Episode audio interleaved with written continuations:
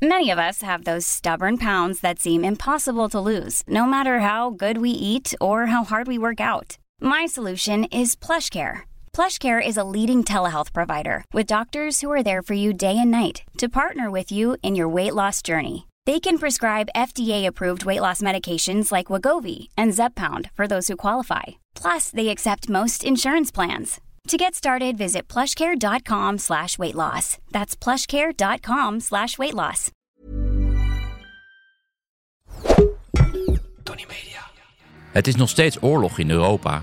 Gaan we allemaal dood in een kernoorlog? Nee, dat denk ik niet. Gaat deze oorlog de wereld veranderen? Dat weet ik nog steeds zeker. In Voordat de bom valt, hou ik je op de hoogte van de situatie in Oekraïne en Rusland. Dag allemaal. Kwam net terug uit Oekraïne na een uh, lange en heftige reis van twee weken. Waarover een andere keer vast wel meer. En vrijdag had ik in mijn hoofd om eens even uit te rusten. Mijn dochter had ook een vrije dag, dus we stonden samen muffins te bakken. En juist toen kreeg ik het bericht binnen over de dood van uh, Alexei Navalny. En even later zag ik ook de speech van zijn vrouw, Julia Navalnaya, op de München Veiligheidsconferentie. Die beelden heb je vast ook wel gezien. En ja, die dood van Navalny voelde echt als een soort stomp in mijn maag. Allereerst natuurlijk groot verdriet om de dood van Navalny zelf, maar ook verdriet over de toekomst van Rusland, die er volgens mij nu nog donkerder uitziet. Uh, daar praat ik zo over verder met Christina Petrazova van uh, Free Russia. Maar eerst praat ik jullie natuurlijk bij over de oorlog in Oekraïne. Want dat kan misschien een van de redenen zijn waarom Navalny juist nu is vermoord. Want dat vraag ik me nog steeds af. Misschien is dat om aandacht af te leiden van het front, waar de wapensteun aan Oekraïne acuut en cruciaal is. Daar gaan we het zo over hebben. En dat gunnen we natuurlijk niet, die smerige gifmenger op het Kremlin. Dus dit is wat er gebeurde in week 50, 51 en 52 van het tweede jaar van de oorlog. Ja, we gaan alweer het derde jaar van de oorlog in. En ja, eerlijk gezegd, het ziet er niet goed uit voor Oekraïne. Na een lange strijd hebben de Russen de stad Avdiivka veroverd. Of ja, eerlijk gezegd, de ruïnes van Avdiivka. Want zoals gebruikelijk is die overwinning niet te danken aan uh, gewiekste manoeuvres langs de flanken, maar gewoon ja, beuken door het midden. Gesteund door hordes kamikaze-drones en eindeloze salvo's granaten. En je ziet die Russen niet alleen bij Avdiivka. Het is eigenlijk druk op het hele front. In de buurt van Liman en Kupiansk, ten noorden van uh. Daar zouden 110.000 Russische soldaten zijn verzameld. In Vugladar, ten zuiden, daar staan nog eens 40.000 soldaten. Uh, en uh, Robotine in het zuidwesten van Oekraïne staat ook onder druk. En dat is, ja, kan je misschien wel herinneren, dat is de enige plek die de Oekraïners deze zomer hebben veroverd op de Russen. Dus ja, een verlies van Robotine, dat zou niet alleen militair, maar ook politieke nederlaag zijn. En die druk van die Russen die houdt verband met wapentekorten aan de Oekraïnse zijde. Er is daar vooral een tekort aan luchtverdediging en vooral artillerie. Ja, dat komt door de terugval van de Amerikaanse wapensteun. En dat is nu dus echt merkbaar ja, op het slagveld. En Europa kan dat gat niet acuut vullen. Het zijn natuurlijk allemaal hele mooie voornemens over het opvoeren van de wapenproductie. Maar ja, daar heeft een soldaat in loopgraaf uh, bij pak een beet Bachmoed niet zoveel aan nu. De Deense premier Mette Frederiksen die snapt het, want Denemarken stuurt zijn volledige artillerievoorraad naar Oekraïne. Laten we even luisteren. But if you ask the Ukrainians, they are asking us for ammunition now. Artillery now. Uh, from, from the Danish side, we, we decided to donate our entire artillery. Nou, ik hoop dat uh, andere Europese landen zullen volgen natuurlijk. Uh, ik hoop ook dat nieuwe verdedigingslinies van de Oekraïners sterk genoeg zijn om de Russen te stoppen. Anders ja, komen steden als Liman en Kramatorsk en misschien zelfs Izum in de gevarenzone. Dit allemaal op het moment dat de Oekraïners een nieuwe opperbevelhebber hebben.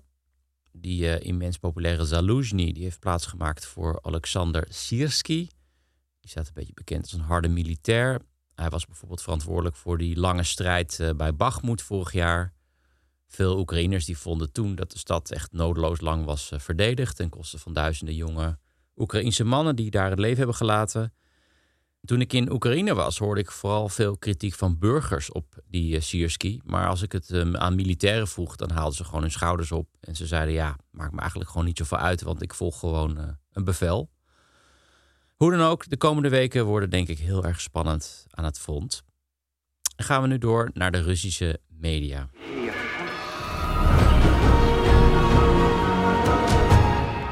Ja, het uh, sneuwe klootzakje uit Kremlin was op het moment dat de dood van Navalny bekend werd gemaakt op bezoek uh, in een fabriek in Chelyabinsk.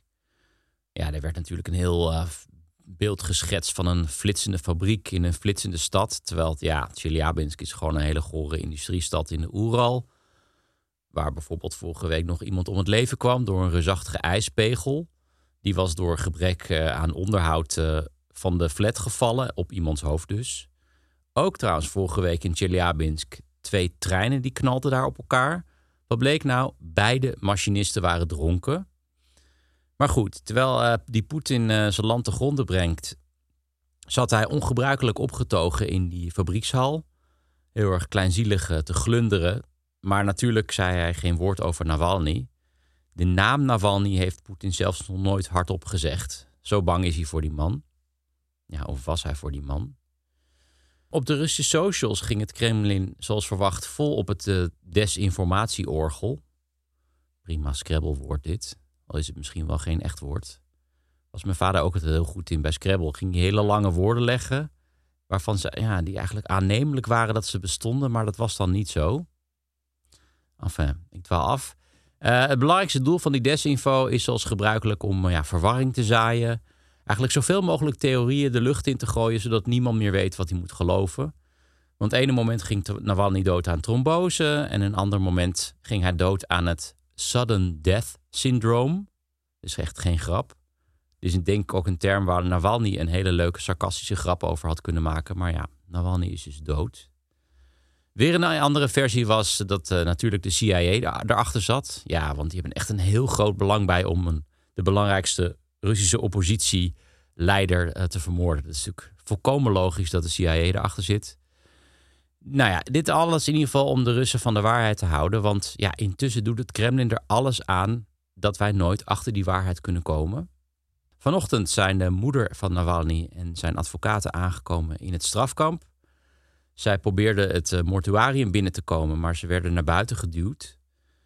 En de Russische site Mediazona intussen die meldt dat op de nacht van vrijdag op zaterdag er een konvooi was vertrokken uit dat strafkamp richting de stad Labitnangi. Die uh, route ging trouwens over een Zimnik. Dat zijn uh, winterwegen, dat zijn ja, vaak bevroren rivieren. Die rivieren worden dan, ja, het ijs wordt dan zo dik in de winter dat er gewoon auto's overheen kunnen rijden en zelfs vrachtwagens. Het is gewoon ook echt een weg met afslagen en alles. In ieder geval, Mediazone die had beelden gekregen van ja, openbaar toegankelijke webcams langs deze Zimnik. En daar was dus gewoon een konvooi te zien. Waarschijnlijk met het lichaam van uh, Navalny erin. Dus ja, de kans is groot dat zijn lichaam gewoon verdwijnt. Of in ieder geval wordt zijn lichaam zo grondig schoongemaakt dat een uh, fatsoenlijke autopsie onmogelijk is. Alexei Navalny, который нам, россиянам, говорил о свободе. И который нам о ней хорошо говорил. напоминал, что мы можем все стать свободными, в самом лучшем смысле этого слова. Он говорил, что, что вера без свободы – это фанатизм, кондовый фанатизм, что труд без свободы – это рабство. Ja, je hoort hier Yuri Sevchuk van de legendarische band DDT, een band die nog stamt uit de Sovjet-tijd. Uh, hij is aan het woord hier zondagavond tijdens een concert in de stad Almaty in Kazachstan. En die Sevchuk die zegt: Navalny herinnert ons eraan dat we allemaal vrij kunnen zijn. Navalny zei: Geloof zonder vrijheid is fanatisme. Werk zonder vrijheid is slavernij. Zonder vrijheid is er niks. En die Shevchuk die heeft wel vaker kritiek gehad op het Kremlin. Ook vanaf een podium een keertje in Rusland, ook over de oorlog in Oekraïne. Toen kwam je er nog met een boete vanaf. Ja, want ja, het is een megaster, dus uh, die durft het Kremlin niet aan te pakken. Maar ja, na de moord op Navalny hou ik echt mijn hart vast uh, voor hem. Wil je nou meer weten over de dood van Navalny en de nasleep? Ik zet nog wat eh, interessante artikelen in de show notes. Eentje daarvan is in het Russisch, dus dan moet je even op de vertaalknop drukken. Er zit ook een stuk bij van Politico, geschreven door eh, Eva Hartog. Die was hier al eens eerder te gast. Zij beargumenteert eigenlijk dat met de dood van Navalny eigenlijk het laatste sprankje hoop is verdwenen. Ook de hoop op een democratie in Rusland. Super gezellig, Eva. Maar ja, ik vrees wel dat ze gelijk heeft. Oké, en dan nog even dit. Ja, ik belandde ooit voor opnames in de zomerdacha van Stalin. Dat was eigenlijk een heel erg bescheiden huisje. Zijn bed stond er ook nog. Dat was echt een heel klein en ongezellig eenpersoonsbed. Het was ook een heel kort bed. Want ja, ik mocht erin liggen, maar ik paste er helemaal niet in. Stalin was nogal uh, ja, een kleine man. Die dacha had grappig genoeg trouwens helemaal geen keuken. Want fun fact, Stalin die hield niet van kookluchtjes. Dus die dacha die lag aan een prachtig meer. Maar de keuken lag dan aan de overkant van het meer. Want ja, ja vanwege die kookluchtjes dus. Dus dan roeide er iemand elke avond ja, met een pannetje met borstje naar de overkant. Om het aan Stalin te brengen. Prachtig baantje. En Stalin was natuurlijk een brute dictator met miljoenen doden op zijn geweten. Uh, die heeft misdaden gepleegd die absoluut onvergeeflijk zijn. Maar op zijn minst had Stalin een ideaal waar hij voor streed, namelijk het communisme. En nam hij ook genoegen met een bescheiden dacha en dit hele treurige eenpersoonsbed. Dit is natuurlijk helemaal in tegenstelling tot Poetin, die alleen maar aan de macht is om zichzelf en zijn vriendjes te verrijken. En dit is precies waar Navalny tegen streed.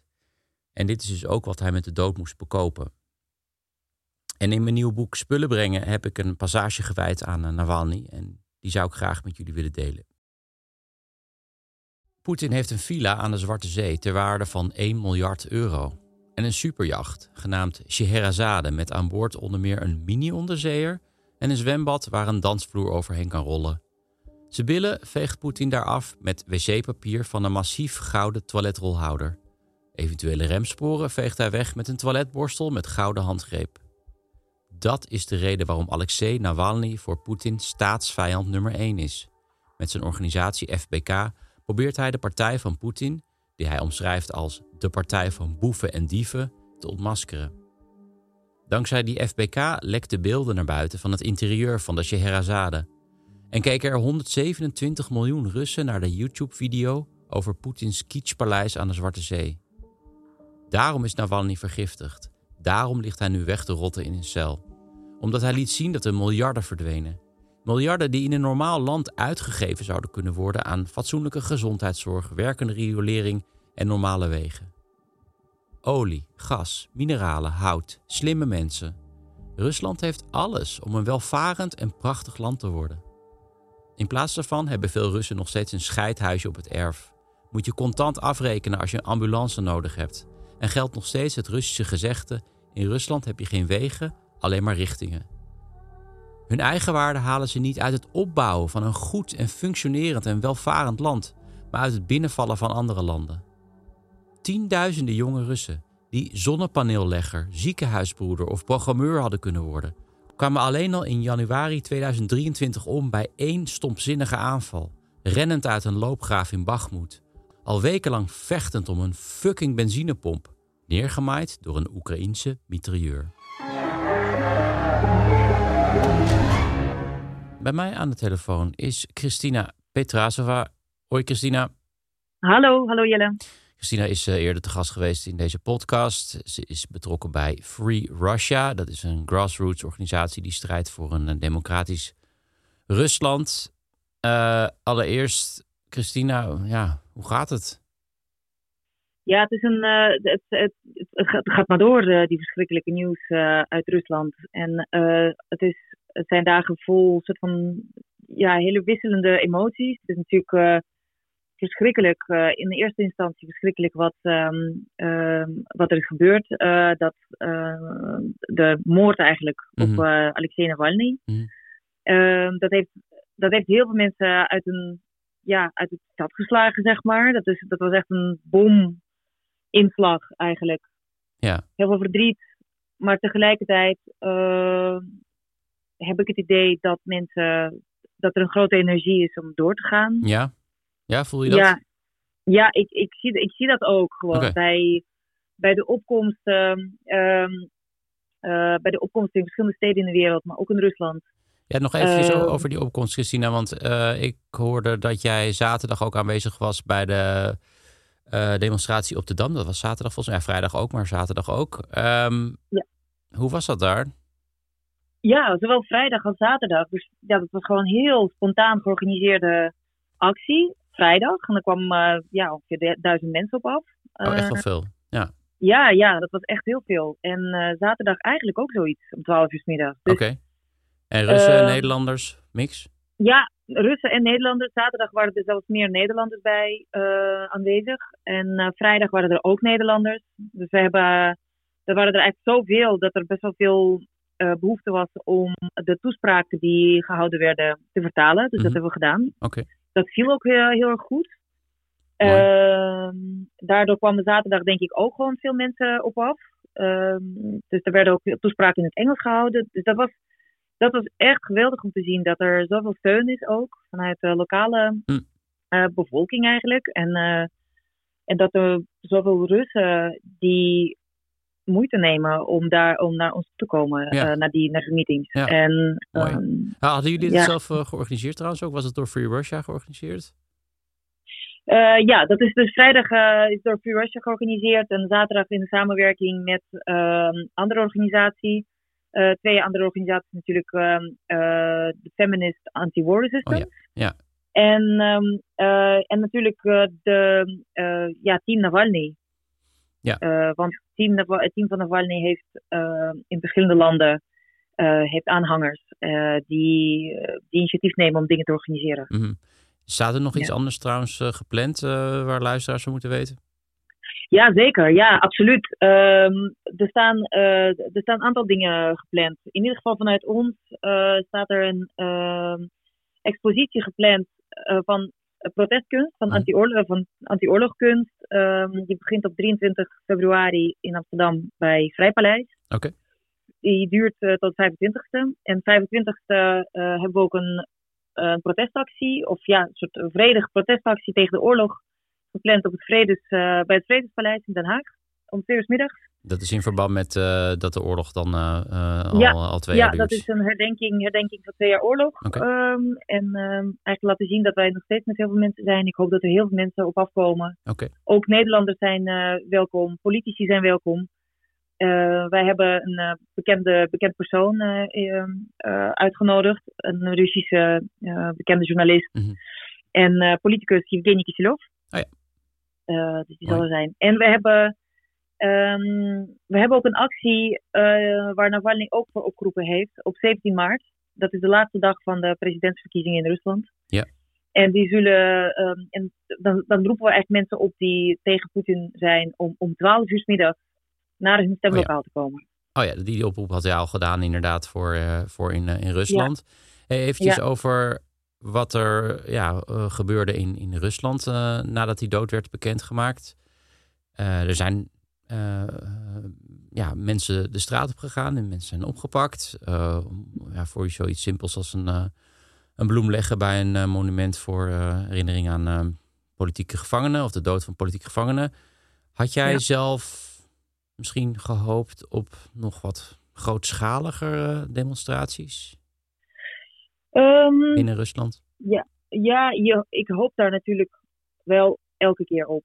Ehm, en ik vind ook dat, dat, eh, dat, dat wij ook harder moeten optreden. Ook mensen in Rusland. Want, ehm, maar het is, eh, het, ik kan echt niet oordelen hoeveel, hoe, hoe gevaarlijk het is voor mensen. En hoe. ehm, ja, we, het is, we zijn heel voorzichtig mensen op te roepen. Maar, Ja. het is, maar uiteindelijk, ehm, uiteindelijk roepen we mensen wel op om iets te doen. Wat zij, eh, wat zij, wat zij kunnen, Ja. moet je doen. En ehm, eh, er, zijn, er zijn al meer dan 400 arrestaties geweest de afgelopen paar dagen in Mhm, Rusland. mhm. Dus dat is, eh, en het gaat ook niet heel zacht- zacht- zachthandig aan toe, zeg maar. Dat is dus een, ehm, mensen zijn aan het overleven. Dus ik heb ook een aantal reportages gezien van onafhankelijke media die in Rusland eh, afgelopen dagen reportage hebben gemaakt. Ja. En Eh, mensen zijn bang en eh, mensen zijn echt aan het overleven. Want uh, het leven in, binnen Rusland is helemaal niet zo, niet zo rooskleurig nu. Nee. En ook ondanks de, de berichten dat, het, dat de economie bloeit, zogenaamd. Maar het is, mensen hebben het echt, echt heel zwaar. En Ja. eh, dus Nee, ik, dat- Ik, ik, Ja. ik, ik, ik worstel hier ook mee hoor, eh, Christina. Want eh, ja, ik snap ook dat het gewoon eh, on- ontzettend Ja. gevaarlijk is om, om de straat op te gaan. En tegelijkertijd denk ik van ja, nu is misschien Je wel het, wel het, iets doen, het ja. moment. ehm, eh, want eh, ja. anders komt dat moment er misschien niet meer. ja, Ehm, mijn, ja. mijn persoon, weet je, persoonlijk vind ik, ja, denk ik, maar het is gewoon mijn karakter. Ik denk van ja, whatever of zo. Ik ben, ik ben zelf nooit bang geweest voor zo'n tegenslag. Ik heb me altijd, eh, in, ja, altijd ook gedragen van oké, dit voelt voor mij het beste. Dus dan ben ik niet bang voor de gevolgen. Ehm, ook al zijn ze niet zo positief. Maar Mhm. dat, kan, dat, kan, dat kan je, dat, dat, dat- zo, zo werkt niet. Dat kan je niet verwachten van, iedereen eh, van iedereen. Ja. Hey, Ja. Ik wil nu eventjes vooruitkijken. Want ja, voor Poetin is natuurlijk niks beter dan een verdeelde oppositie. Een Ja. verdeelde Russische oppositie. En volgens mij was Navalny ja, het meest populaire lid van de oppositie. Zowel in Rusland als erbuiten. Denk jij dat iemand deze, hem in die rol kan vervangen? Eh, nou ja, we hebben net ook gezien dat eh, zijn vrouw Julia Navalnaya, eh, zij neemt de- eigenlijk de, de stok over. Ja. Ehm, zij gaat mee door. Zij heeft een, een hele vurige, een hele gevoelige, emotionele, maar sterke statement nu gegeven. Mhm. Dus die, dat, is, dat is echt fantastisch. Dat was echt een opluchting, vond ik, voor mij. Ja, tegelijkertijd denk ik dat, ehm, eh, dat de andere oppositieleden, die zijn allemaal solidair met Navalny mhm. dit is. Dus wat Poetin voor elkaar heeft gekregen hiermee, is niet, ehm, is niet een polarisatie, Mhm. maar meer eenheid. Hm. In de oppositie zeker. maar dan moet er wel iemand die plek van hem innemen. Ja, ik zag inderdaad ook net Nou, ik denk dat, Julia Navalny net. Ja, oh, sorry. Ja. ik zag net ook die beelden inderdaad. Ze zat daar ook echt precies aan het bureau van, eh, van Navalny. Dus Ja, zij neemt zijn plek in nu. Hm. Dit, is gewoon, dit is gewoon duidelijk. Zij Ja. neemt zijn plek in nu. En we zien al ehm, dat bijvoorbeeld in Belarus eh, hebben we ook, eh, de- zien we ook een vrouw die een plek van haar man heeft ingenomen. Ja, en ehm, dus ook ja. eh Tsikhanouskaya. Ja. Eh, dus dat, dat, dat, is, ja, dat is eigenlijk de enige mogelijkheid natuurlijk. ja, Om eh, het werk ja, van één persoon door ehm, voor te zetten. Die nog niet echt een gekozen, officieel gekozen eh, iemand is. Maar die, ja, Julia was al die jaren, al die 15 jaar, was zij naast hem. mhm. Zij was altijd op alle beelden was hij erbij. Ja. Dus het is, het is gewoon heel logisch. En Ja, dat heel zou- goed ook. dat zou mooi zijn. Maar toch, hè, eh, want je strijdt natuurlijk al, al langere tijd voor, voor een democratisch Rusland. Is die kans nu niet toch kleiner geworden met de moord op, eh, op eh, Navalny? Ehm, ik denk het niet. En waarom niet? Ik denk dat. ehm, eh, want wat, wat ik zie in de afgelopen dagen is dat er zoveel eh steunbetuigingen komen. En dat is echt. Dat, in, in de media is, dat is gewoon een zee van. ehm, eh, ja, van steun en samen en met elkaar. En ja, heel idioot, maar eh, misschien een idioot voorbeeld, maar eh, ons kanaal is, is in twee dagen met 400 leden gegroeid. Mhm. Ik bedoel, dat is dus mensen, mensen komen bij elkaar. Wij, wij hebben samen met drie organisaties een, een eh, actie georganiseerd op de Dam, waar meer dan duizend man bij elkaar kwam. Ja. Ehm, dus het is, het is juist, denk ik, dat het, dat, dat, dat het nu solidariteit en samenwerking meer gaat voortbrengen.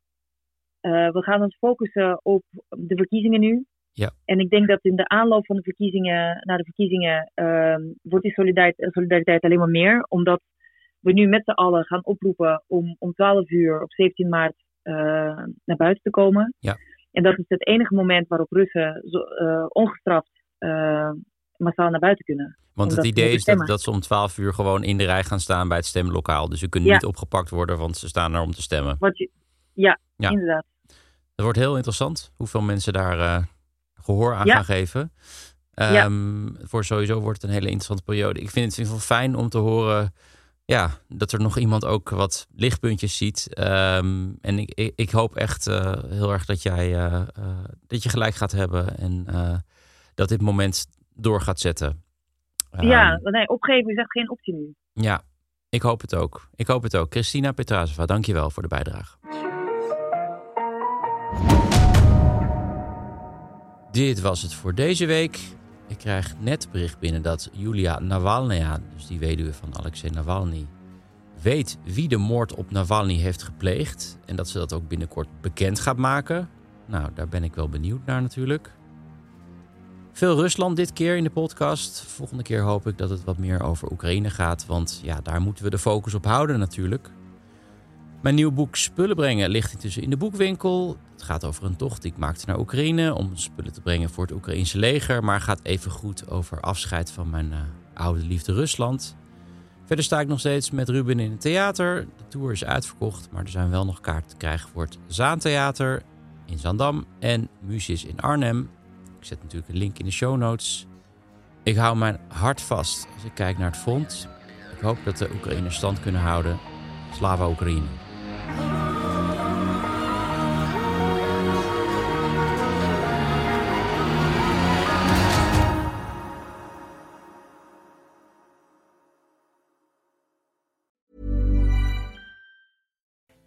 Geen idee waar je naar geluisterd hebt, maar misschien een goede tip om nog meer tijd te vermorsen. Luister eens een keer naar de Snopcast, waarin ik, Jort Kelder en mijn goede vriend Ivo van Rechteren Altena alles bespreken wat het leven draaglijk maakt zonder enig praktisch nut. Met uiterst overbodige snobjecten als ja, een machientje om je tandpasta uit te rollen, een ski natuurlijk van Bentley of een Kashmir springtouw. Jazeker, de Snopcast, omdat je het waard bent.